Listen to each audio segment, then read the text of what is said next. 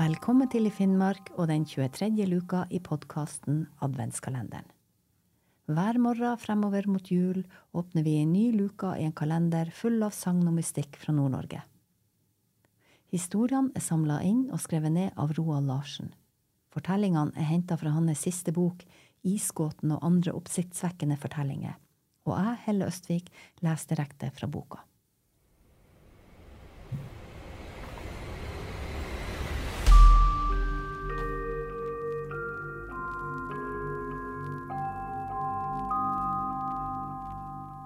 Vi åpner den 23. luka med historien Nissan i Neiden. Jeg tror på nisser bare eventyr. Eller eksisterer de virkelig, sånn som flere av de fremste nålevende klarsynte i landet vårt hevder? Denne beretninga tar til i et hus i Neiden, ei bygd i Sør-Varanger kommune. I dette huset bor det tre kvinnfolk tilhørende hver sin generasjon.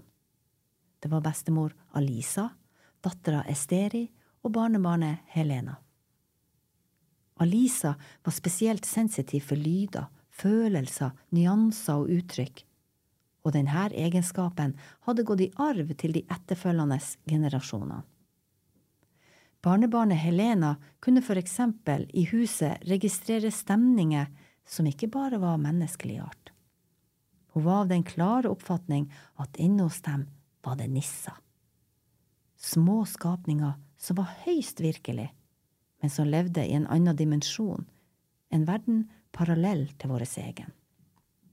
Hun sa at hun av og til kunne høre en fin, liten latter, andre ganger se skygger i øyenkroken, og da mente hun at det var nissene som var på ferde.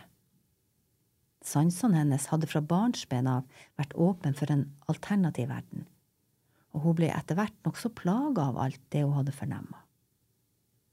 Men etter hvert hadde hun lært seg til å beskytte seg mot det som ikke kunne oppfattes med det fysiske øyet eller øret.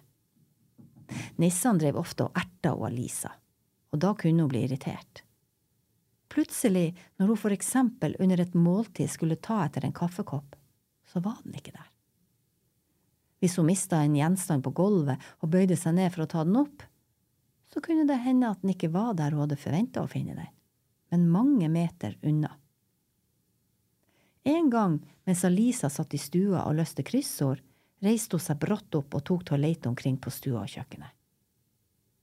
Da hun etter en stund satte seg ned igjen, hørte dattera Esteri at hun sa, Hvordan kunne fyllepenna mi havne på kjøkkenbenken mens jeg satt her? Det er jo fysisk umulig.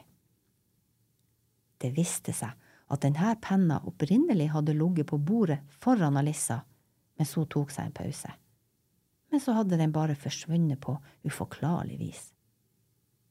Esteri opplevde også mye rart.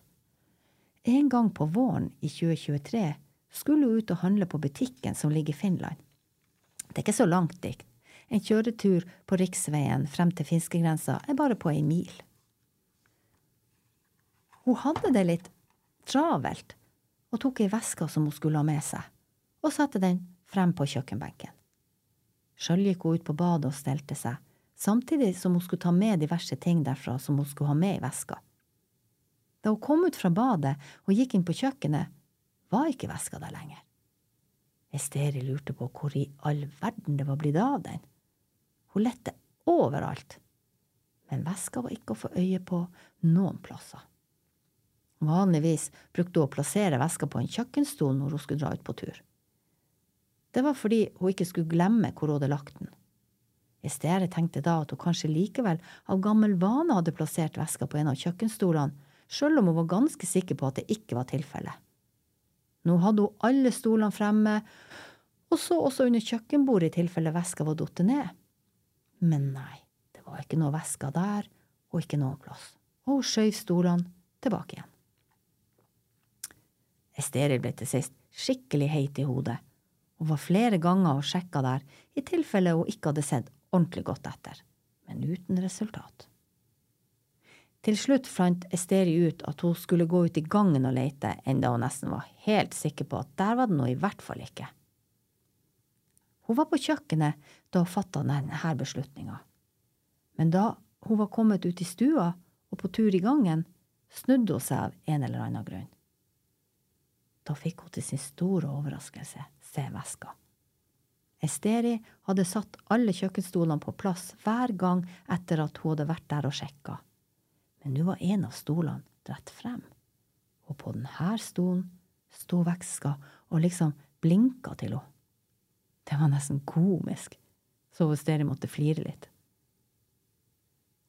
Nissene er der fremdeles, men de tre kvinnfolkene tar det ikke så tungt. De vet at sjøl om ting blir borte, så finner de dem vanligvis igjen, om ikke på samme sted.